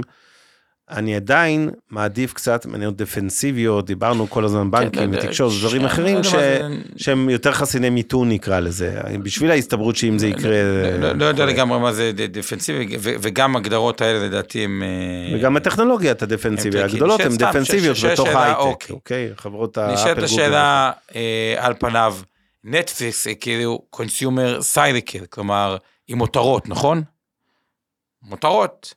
היא באמת מותרות, האם שהם מיתון אנשים יתנתקו כדי לחסוך כן, בכסף? כן, כי אם יש לך חמישה סטרימרים בבית, אז אתה תוריד אחד או שניים, לא, לא בסדר, דווקא את נטפליקס, אז- אז- כן. אז סתם, כל מה שאני אומר זה, ה- הסביב- כאילו, מה זה דפנסיבי ומה זה לא, זה ימים אה, י- יגידו. דפנסיבי מבחינתי חברה כמו מייקרוסופט כנראה לא תפסיק את התשלומים שלך למייקרוסופט 365 אם אתה חברה או סטודנט שצריך את זה. כי יש מיתון במשק, נכון? אתה לא תעשה את זה. אוקיי. אפל אתה תעשה, אבל פחות, אתה תגיד, אני במקום להחליף כל אה, שנתיים מכשיר, אני אעשה את זה פעם בשלוש שנים, נכון? מכוניות כנ"ל. אבל, כ- אבל אוקיי, יש דברים אז- שמה אז- לעשות, הם יותר אה, מונופוליסטים נקרא לזה, סלאש אה, נכון, אה, אין יותר בעיה. חסיני אז מיתון, ויש דברים שפחות. אז ברמת ה... כל מה שאני אומר זה את הדבר הבא, אוקיי? ברמת ה... המסלולים, כדי לא להישבר מנטלית, כן צריך שיהיה לפחות עוד מכשיר או, או, או עוד כדור בקנה. מה הכוונה? תשאירו איזשהו מכשיר שכביכול אחד או שניים, שאתם רוצים להיות יותר אגרסיביים ואתם קצת יותר דפנסיביים, כדי שיהיה לכם אפשרות פסיכולוגית. יש משהו מאוד מאוד חשוב, שאם תהיה ירידה, תגיעו אליה התקפית. כלומר, להגיע לירידה בלי אוויר כזה שזה כאילו נפל עלינו, זה בעיה. מצד שני, היסטורית, עוד פעם, מכפילים מתחת לממוצע או סביב הממוצע, עסקה טובה. כאילו, גם אם זה לא הדבר הכי אה, אינטואיטיבי בעולם, עדיין יש דברים שאנחנו מאוד מאוד רחוקים מאזור הבאי האינטואיטיבי. מה הכוונה? הקנייה הזולה. מה הכוונה? באג"ח, בדרך כלל במשברים, המרווחים נפתחים. כלומר, אתה מקבל על הפיצוי בחברות, ומי שהיה פה, אני לא מדבר על הקורונה, שאג"ח כלל ירד מ-100 ל-70, כן. שזה קיצוני, ופנינסולה שעשיתם הנפקת מניות, אגב אחד מ-100 ל-90, למרות שכל הכסף בקופה, ודברים שהם מוזרים, אוקיי? אה, היו בקורונה, אבל עוד לא נפתחו המרווחים בצורה אה, משמעותית באג"ח הקונצרני, כלומר, יש ירידות, יש תחושה לא נעימה, אבל אין פאניקה, אולי בארצות הברית קצת יותר בסגמנטים של חברות הטכנולוגיה. מה שאומר שדברים לא צפויים רעים, יעבירו את האנשים ממצב של לא נעים למצב של פאניקה, גל הירידות שהוא יהיה ההזדמנות האמיתית, אבל אף אחד לא מבטיח שנגיע לשם, ובתיאוריה יכול לראות שגם ראינו את שיא השפל, ומי שלא ייכנס, ככל שהשוק עולה, יכול למצוא את עצמו בדילמה הרבה יותר קשה בהמשך. ברמת החברה הבודדת, כן אבנר נגע פה בנקודה, סתם הביא את מייקרוסופט בדוגמה, חברות שלא יודעות להעלות מחירים, יכולות למצוא את עצמם עם מודל עסקי שהוא בעייתי מאוד, כי כאילו העלויות שלהם עולות, מי שלא יודע לגלגל את זה ללקוח, הוא בבעיה. עכשיו, בשנות ה-70, פעם שעברה שהייתה אינפלציה, החברות שנתנו את התשואה הטובה ביותר, היו החברות הקטנות. למה הגדולות כאילו היו צריכות לשנות את המבנה העסקי? הקטנות ידעו לעשות אדפטציה הרבה יותר מהר, זה חלק מהסיבה למה עד היום מניות קטנות נתנו תשואה עודפת משמעותית על חברות גדולות, הם, ידעו לעשות התאמות יותר טוב. בראייה קדימה לא יודע אם העבר תמיד מתנדד לעתיד, אבל תחשבו על כל חברה שאתם משקיעים בה, האם בתיאוריה יש לה יכולת להעלות מחירים, יש דברים שזה נורא אינטואיטיבי, דוגמה חברות נדל"ן חד משמעית, כן, אוקיי, מהמם. אפשר לגלגל את המחיר, אבל נייקי, האם יכולה להעלות את המחירים? לא יודע, שאלה, מייקרוסופט האם יכולה להעלות את המחירים? כנראה שכן, אוקיי. אפל, אם היא תעלה את המחירים ב-20%, הם יקנו את האייפון באותו זה? לא יודע, שאלה. קיצר, כל דבר שאתם עושים, אה, הוא צריך לבוא גם עם מחשבה, על האם יש לאותה חברה יכולת להעלות את המחירים. ואם התשובה היא לא, יש סיכוי טוב שהמרג'ן, המרווח יצטמצם, והרווח, וראינו את זה דווקא ברשתות שיווק, ברמי לוי, ביתים. אגב, זה נבע מאוד ברשתות שיווק, אבל מי שלא יודע לגלגל את המחירים לצרכן, יכול למצוא את עצמו אה, בבעיה. כן, אז אני רוצה להתייחס לעוד כמה דברים שעלו פה בצ'אט, כי את אה, עיקר הדברים שהיה לי להגיד על אה, מיתון עולמי הבנתם, אני לא חושש מזה, או נותן איזה הסתברות, בוא נגיד, יותר גבוהה ממה שהשוק מעריך, אבל עדיין נמוכה מספיק כדי שזה לא יהפוך להיות דבר אה, יותר מדי מדאיג בעיניי למשקיעים. אני חייב להעיר שלתחושתי, אפרופו דיברנו על אינדיקציות למיתון או האטה ליתר דיוק, אני גם רואה את זה בשוק האמריקאי, יש, בארצות הברית התגובות הן הרבה יותר מהירות, זאת אומרת, לא יודע למה, אבל הרבה דברים בכלכלה הישראלית איכשהו אה, לוקח יותר זמן להגיב. בארצות הברית כבר רואים במכירות בתים, אפילו במחירים באזורים מסוימים של נדל"ן, בשיעור החדלות פירעון שזינק מ-2% ל-4% בחודשיים האחרונים, זה עדיין מספרים נמוכים, אבל פתאום אתה רואה יותר פיגורים בהלוואות ותקלות אשראי וכולי. עכשיו, הנושא הזה של כוח השתתפות בכוח העבודה, שראינו את זה אגב גם בארץ, זה התחיל מהקורונה וכל מיני שינויים כאלה פסיכולוגיים שאנשים אמרו וואלה אני לא חוזר לעבוד במה שעשיתי קודם ו-work home balance כזה ואני רוצה אני מפסיק להיות עבד אני רוצה לעשות דברים שאני אוהב אני רוצה לעשות יותר פנאי ומשפחה וכולי. בסוף כשמתחיל האטה שלא לומר מיתון אם יהיה אבל גם האטה ואנשים פתאום רואים מצד אחד אינפלציה ומצד שני שכר שלא עולה בקצב האינפלציה, ושלא לומר אם אחד משני בני הזוג לא עובד, בסוף מתישהו הם ייאלצו ללכת לחזרה לשוק העבודה, זה לא ייגמר רק באבטלה במקביל לאיזושהי ירידה בשיעור השתתפות, אלא להפך, אני חושב שאנחנו נראה כפונקציה של מה שקורה עכשיו, דווקא חזרה להשתתפות בעבודה, תוך כמה חודשים, זה כמובן מגיע בדיליי, אבל we'll see. אה, עדי מזכיר גם שמכפיל אינו תכונה קבועה, אלא פונקציה של רווחיות ומחיר, זה ברור. ושהחוב הפרטי והמסחרי בארצות הברית בשיא, זה גם נכון. תמיר אה, האגדי שלנו אה, אומר אז מה אנחנו מנסים עכשיו לתזמן את השווקים אם אנחנו בתחתית או לא. שפוטין הפך להיות יקיר שומרי הסביבה ואנרגיה ירוקה אני מסכים. דני מזכיר אפרופו אנרגיה שחורף הבא המחירים הולכים להיות הרבה יותר גבוהים מהשנה הנוכחית עם כל מה שקורה ועם הסנקציות וארצות אירופה עוד החריפה את הסנקציות ואנרגיה ירוקה לא תפתור את הבעיה הזאת של 23 זה נכון. וזה עלול לה- להאיץ האינפלציה, כן, אבל בהסתייגות. כשיש האטה ועליית ריבית, זה שני דברים שגם מרסנים, נקרא לזה, את האינפלציה. אהרון אה, ריפשטוס, אה, משכורות העובדים נשחקו אפקטיבית ב-30% בגלל עליית המוצרים, אני לא חושב שזה היה 30%, נשחקו משמעותית, זה בטוח, בעקבות האינפלציה. וזה יכול כשעצמו להכניס את השוק למיתון, לא חושב. לא, אבל, אה, בסך הכל אה, אנשים יש יותר תחושת עושר, כי יש כל כך הרבה עם נדל"ן, הנדל"ן עלה, זה הקופות כן, בדיוק. הרבה. מלחמה באוקראינה יכולה לגרום לרעשים בעולם, כמו נושא החיטה, מחירי האנרגיה עוד לא אמרו את המילה האחרונה מבחינת עליות. עדי מזכיר שהחלק העיקרי של העלייה בתוצר התעשייתי בארצות הברית זה פשוט טכני של עליית מחירי הנפט והגז שנכללים באינדקס הזה. TY רוצה או רוצה אה, דוגמה להשקעות דפנסיביות אטרקטיביות, אז בוא נגיד ככה, זה קצת tricky המילה דפנסיביות אטרקטיביות, כי הרבה מהשקעות דפנסיביות כבר נסחרות במחירים יקרים יחסית. זוכרים, עשינו סשן על המניות ה staples, אז זה לא בהכרח אומר שהן זולות, עדיין יחסית, זה נגיד תעודת סל ל-XLP, ושוב, זה לא המלצה כרגיל, אנחנו מזכירים, לא ייעוץ השקעות ולא המלצה לביצוע פעולות כלשהן בניירות ערך או בתעודות סל. XLP זו תעודה על ה staples, יש לנו את כל תחום הבריאות, שהוא תחום דפנסיבי יחסית, התעודה, שוב, XLV, אני לא מפרסם פה, זה לא קשור למיטב. אה, תשתיות, utility, זה XLU, זה ה-U. זה תחומים שבוא נגיד אה, מעניינים, כל הנושא של ציוד רפואי, יש תעודה של IHI, ציוד רפואי. device, מדטרוניק ו... כן, זה חברות, זה, זה, זה סקטורים שאמורים, תעודות בעיקר בארצות הברית, אני מדבר, ואלה סקטורים שאמורים להיות יותר דפנסיביים, ואם התרחיש המ- המיתון יתקיים, אז הם באופן יחסי. כן, אמורים- מצד שני, ההזדמנות. התמחורית היא לאו דווקא שמה, קחו סתם, חברות הבנייה בארץ תמיד היו סביב מכפיל אחד, עלו למכפיל שלוש על ההון העצמי, וואלה, יש חברות בנייה ארצות- בארצות הברית, מכפילי רווח בין שלוש לשש, רווח, לא, אתה מדבר כן. על מקביל, לא. לא מכירות, רווח. כן, כן.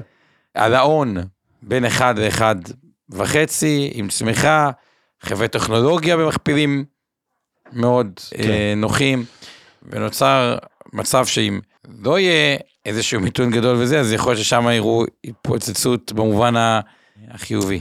טוב, עוד הערות ושאלות. שחף שואל, או שואלת, האם כשדיברתי על ארצות הברית מחירי נדל"ן רואים אה, עליות מחירים? לא, להפך. אחרי תקופה ארוכה של עליות, רואים כבר התחלה שבאזורים מסוימים, התחלה, שוב, זה עוד לא מוקדם לחגוג, ושם מראש המחירים הרבה יותר שפויים מישראל, אבל יש כבר, אה, רואים אה, נכון. סימני האטה. הריביות על משכנתאות בארצות הברית זינקו אפילו יותר מישראל. נכון. הרבה משקיעים, אגב, מחוץ לארצות הברית, שהלכו לקחת, אה, לקנות נכסים זהו, בארצות הברית. כאילו, לקחת. משכנתה, או יושבים על הגדר, אומרים, מה, אם המשכנתה תעלה לי עכשיו 6-7 אחוז כאזרח זר שקונה, נגיד כן, ישראלי שקונה גם גם בארצות הברית, חמישה אחוז זה שונה. התשואה על הדירה, אני צריך להיות מאוד אופטימי על עליית הערך כדי להצדיק את זה ב-7 אחוז או ב-6 אחוז, ולכן זה, וגם משקיעים אמריקאים שרואים ריביות יותר נמוכות, כמו ששוהם כותב בצדק, שהריבית עלתה לאזור ה-5 אחוז וכבר רואים התקררות בנדל"ן, זה דרמה, כשריבית עולה משלושה לחמישה אחוז במשכנתה, ואני מזכיר, הברית לוקחים משכנתאות בשיעור מימון גבוה מאוד, ולטווח ארוך מאוד, ל-30 שנה כזה סטנדרט, והרבה פעמים אגב, בגרייסים כאלה, שאתה לא מחזיר כמעט את הקרן בשנים הראשונות, אלא כן. יש שם רק ריבית ו- ובולטים וכולי, בוא נגיד ככה, זה. אה, ליאור שואל, האם אפשר לסמוך על מסלולי האג"ח בקופות גמל, מסלולים כביכול הסולידיים שאיגרות חוב, שהם נמצאים במח"מ, משך חיים ממוצע נמוך מספיק של אותן איגרות חוב, כן.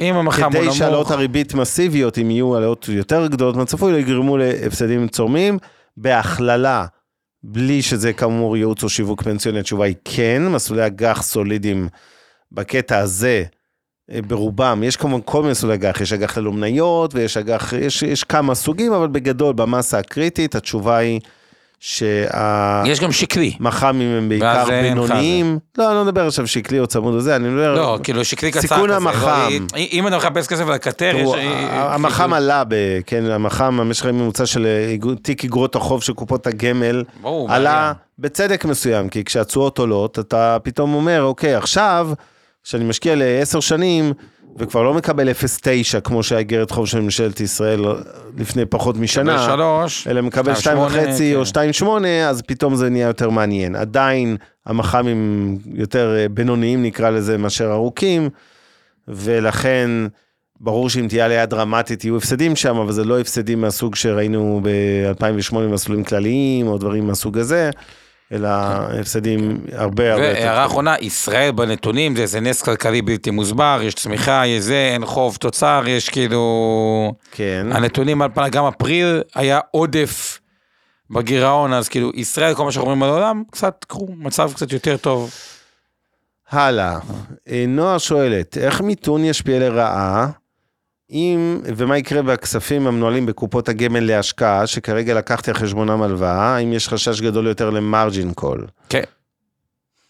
אם, אם, יהיה אם תהיה ירידה על הירידה במסלול מנייתי לדוגמה, ולקחת לנו 70 אחוז מינוף או 80 אחוז מינוף. כמה אפשר לקבל תזכירים במנייתי, אבל מלכתחילה אי אפשר לקבל לכם 80, סוד, נכון? אני אגלה לכם סוד שהוא בעייתי, אוקיי, חברות שזה חלק מהדברים שאני המלצתי כמה מנכ"לים של כמה חברות ביטוח בבתי השקעות לבדוק אצלם. על פניו הם אומרים שאפשר לקחת 50% על מניות. בתכלס, אפשר לקחת כאילו במסלול הכללי, ו- ולהעביר את זה למניות? להעביר מסלול מניות, והמערכות המידע שלהם הן מערכות מידע שלא יודעות. אתה עושה פה-. אז מגלה את כל הסודות האפלים של התעשייה? לא, לא, לא, כאילו זה, זה, כאילו את הדבר הזה, ואז, כאילו יש, כאילו, מי שעשה את זה, כן, יש יותר סיכוי למרג'ין קול במסלול מנייתי ב-80 אחוז לא, זה ברור. מינוף. מי לא. שכך 50 אחוז מינוף, אין סיכוי למרג'ין קול לתפיסתי, מי שבמסלול הכללי, ולא משך את הרווחים, כלומר, היה 70-80 אחוז מינוף, ולא עשה את זה אתמול, אלא היה לו את הכמה שנים של העלייה, גם הוא בסדר, בוא נמשיך. עוד שאלה של אליהו, חוזר לנושא אגרות החוב בקופות הגמל אה, או קרנות ההשתלמות, האם התשואות של אותן אגרות חוב, האם אגרות חוב הן טובות ומה התשואה הממוצעת? קשה להתייחס לממוצע, יש שונות אדירה. בוא נגיד ככה, הטוב זה עניין יחסי, אם העולם נופל למיתון גדול, אז יש תמיד את הסכנה של תספורות באג"ח וחברות שקורסות וכולי. זה נדע בדיעבד, כמו שאומרים. אבל אני, בתרחיש הסביר, כן, אני חושב ששיעורי הדיפולט, מה שנקרא, התקלות באגרות חוב, יהיו נמוכים. אגב, גם בעשור, גם ב-2008, 9, 10, כשהיה את גל התספורות המפורסם, שקיבל המון המון כותרות, בסוף, האחוז המעשי שנמחק למשקיעים היה די מהציבור, נמוך.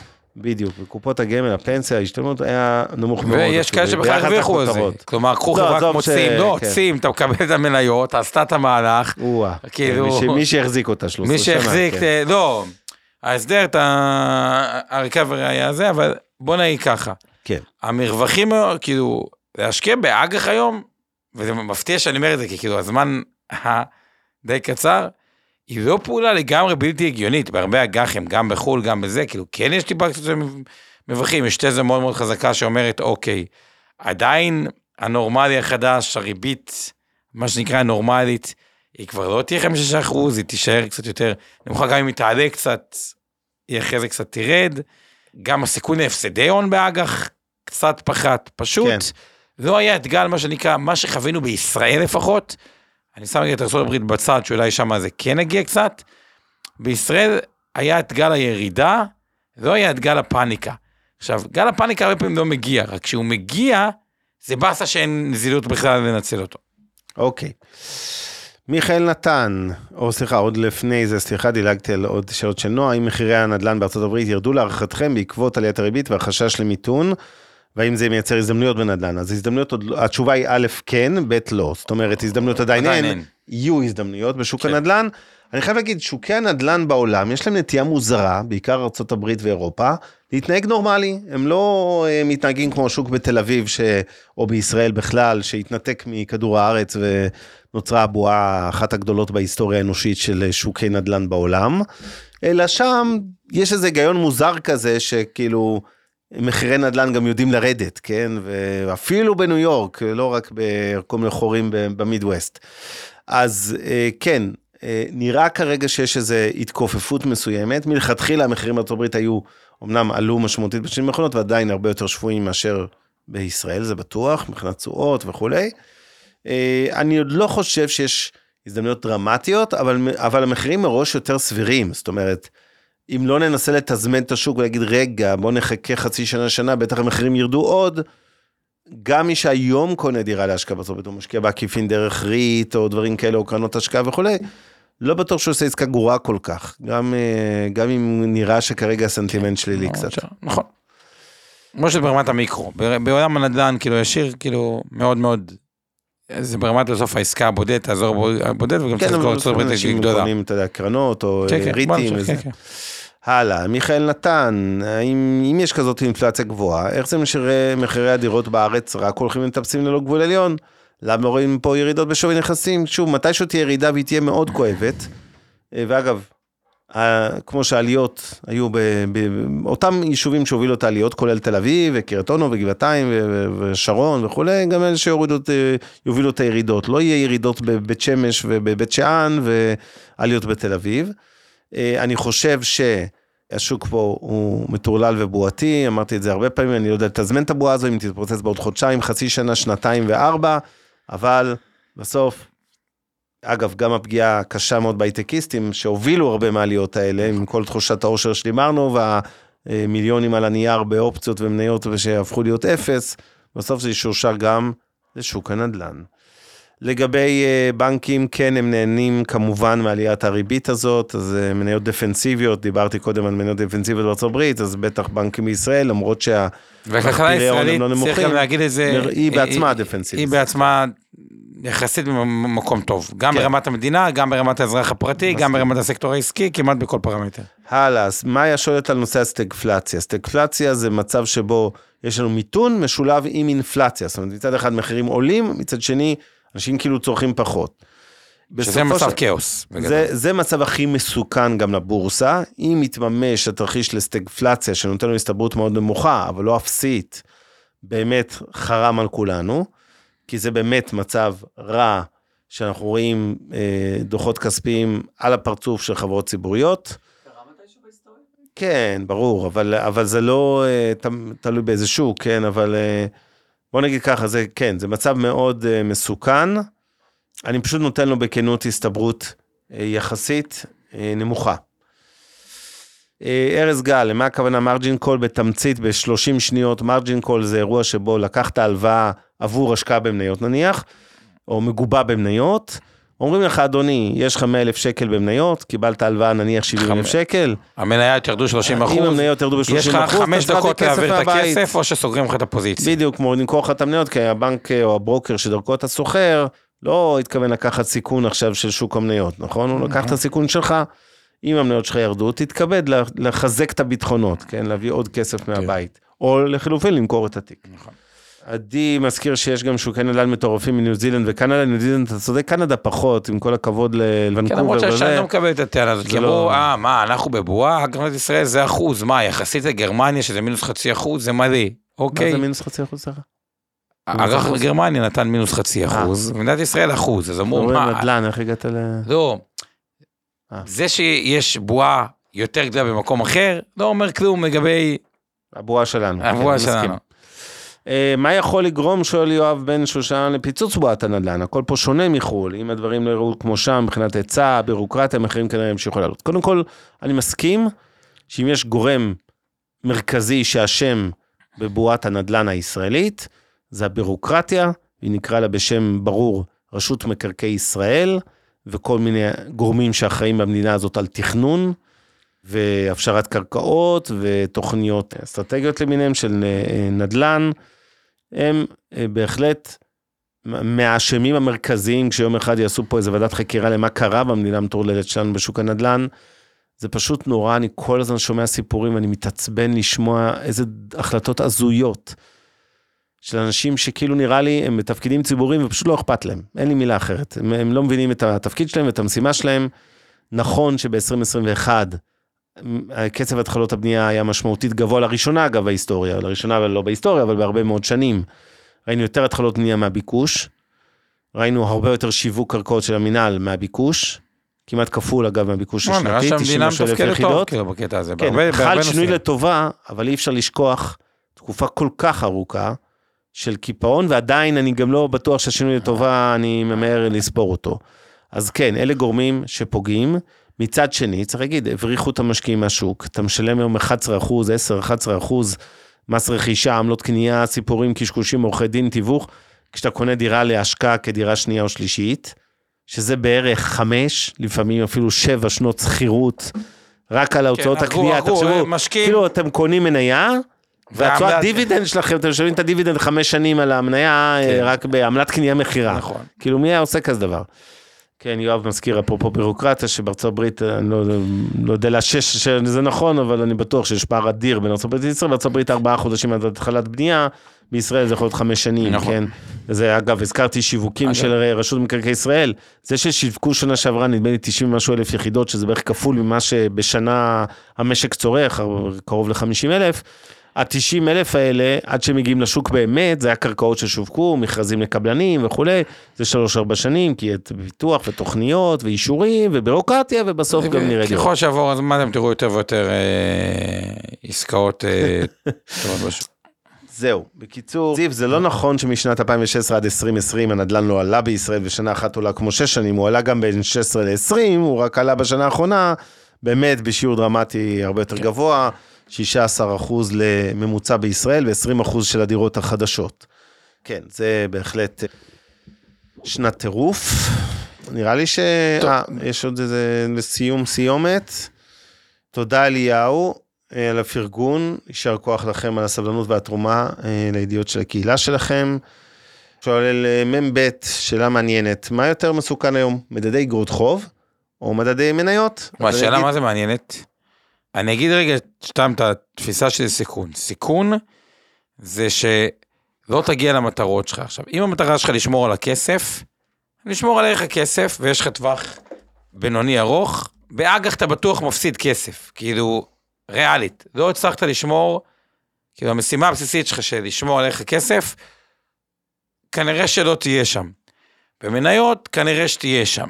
איפה הבעיה? היא התנודה שיכולה להיות לך בשורטים. אז שתי אפשרויות. אם אתה לא צריך את הכסף למטרה קצרה, לתפיסתי מניות פחות מסוכן. אם אתה צריך למניה לתקופה קצרה, אתה יכול לשים חלק מהכסף באג"ח או איזשהו רובד, שאג"ח, לא משנה, P2P, כל מיני עולמות, לטווח קצר, כשירים, קרנות חוב, ואת השאר במניות. אבל בטווח הארוך, מניות הוא גם שומר על ערך הכסף בצורה טובה יותר מאשר כמעט כל נכס אחר.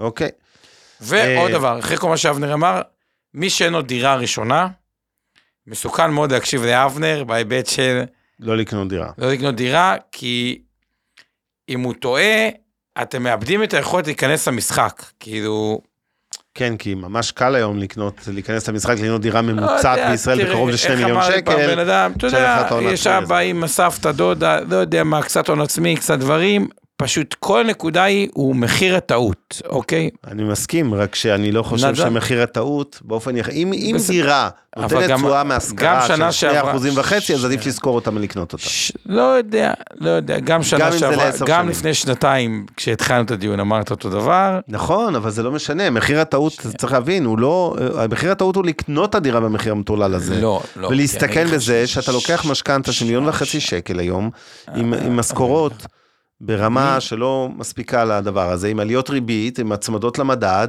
אה, זה יש, הסיכון. יש, שוב, אז הסיכון ההופכי של מה שאבנר אומר, זה ששלם שכירות, נכון. זה, והשכירות תעלה לך, לא יודע מה זה יתעלה לך, היא כרגע שני אחוזים וחצי לא בתל יודע, אביב, לא הכל זה שני אחוזים, 40 לא כולם. גרים בתל אביב, בוא, עזוב. אז היא בשלושה וחצי הטענה שלי, אה, מי שאין לו דירה. גם אין לו את אותו 6, 7, 8, 9, 11 אחוז פרמיה שהוא משלם, דירה ראשונה אין מס רכישה, זה ברור. משכנתה עוד יחסית בסדר, טוב. קיצר, יש, אוקיי, אז רגע לפני שנסיים, אני רק, אני לא אוהב לעשות פרסומות כמו שאתם יודעים, אבל בכל זאת לא יכול להתעלם. אבא שלי כתב ספר שיצא השבוע, אה, שנקרא עולם ההשקעות שלי.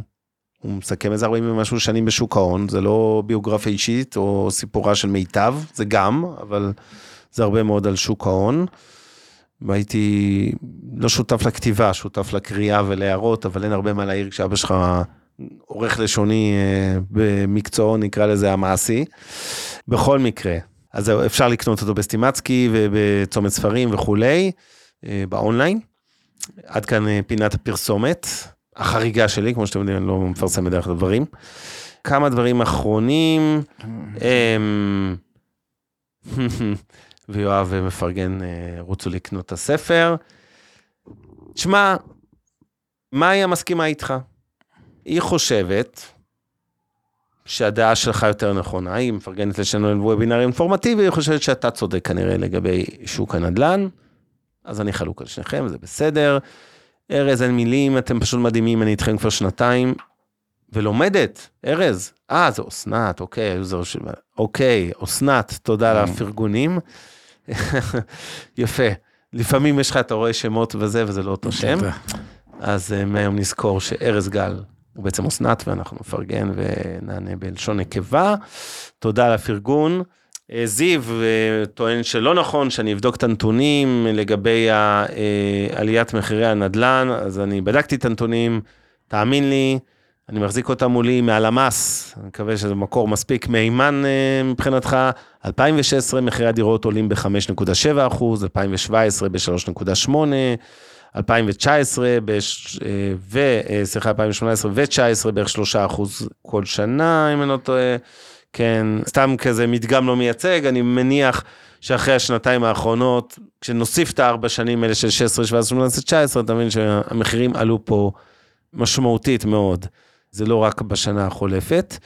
טוב, אה, נראה לי שסיימנו לערב, נכון? בואו נראה אם יש עוד איזה הערות, שאלות. אה? מחיר למזדקן, מיכאל אומר שתקנו.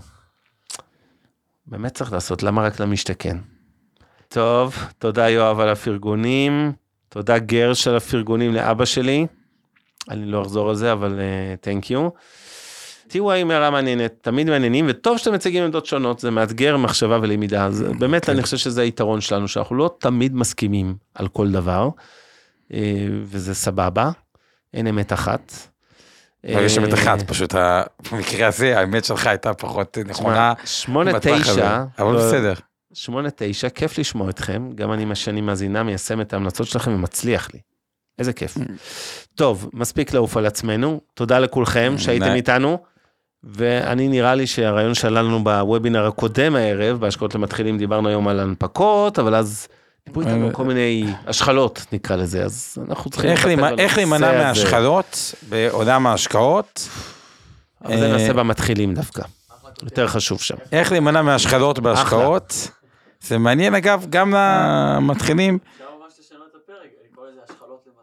או, יפה, השחלות למתחילים. אני קונה, אז תודה, תודה לבועז מיכאל, ותודה לכולכם שהייתם איתנו, ותודה לעוז גצליק שמנהל את השידור ממיטב, ותודה לאורית טולדנו שיושב איתנו כאן ומנהל את הפודקאסט. מוזמנים להאזין לנו כל שבוע, מתי שאתם רוצים, או ב live או ביוטיוב, בספוטיפיי וכו' וכו'.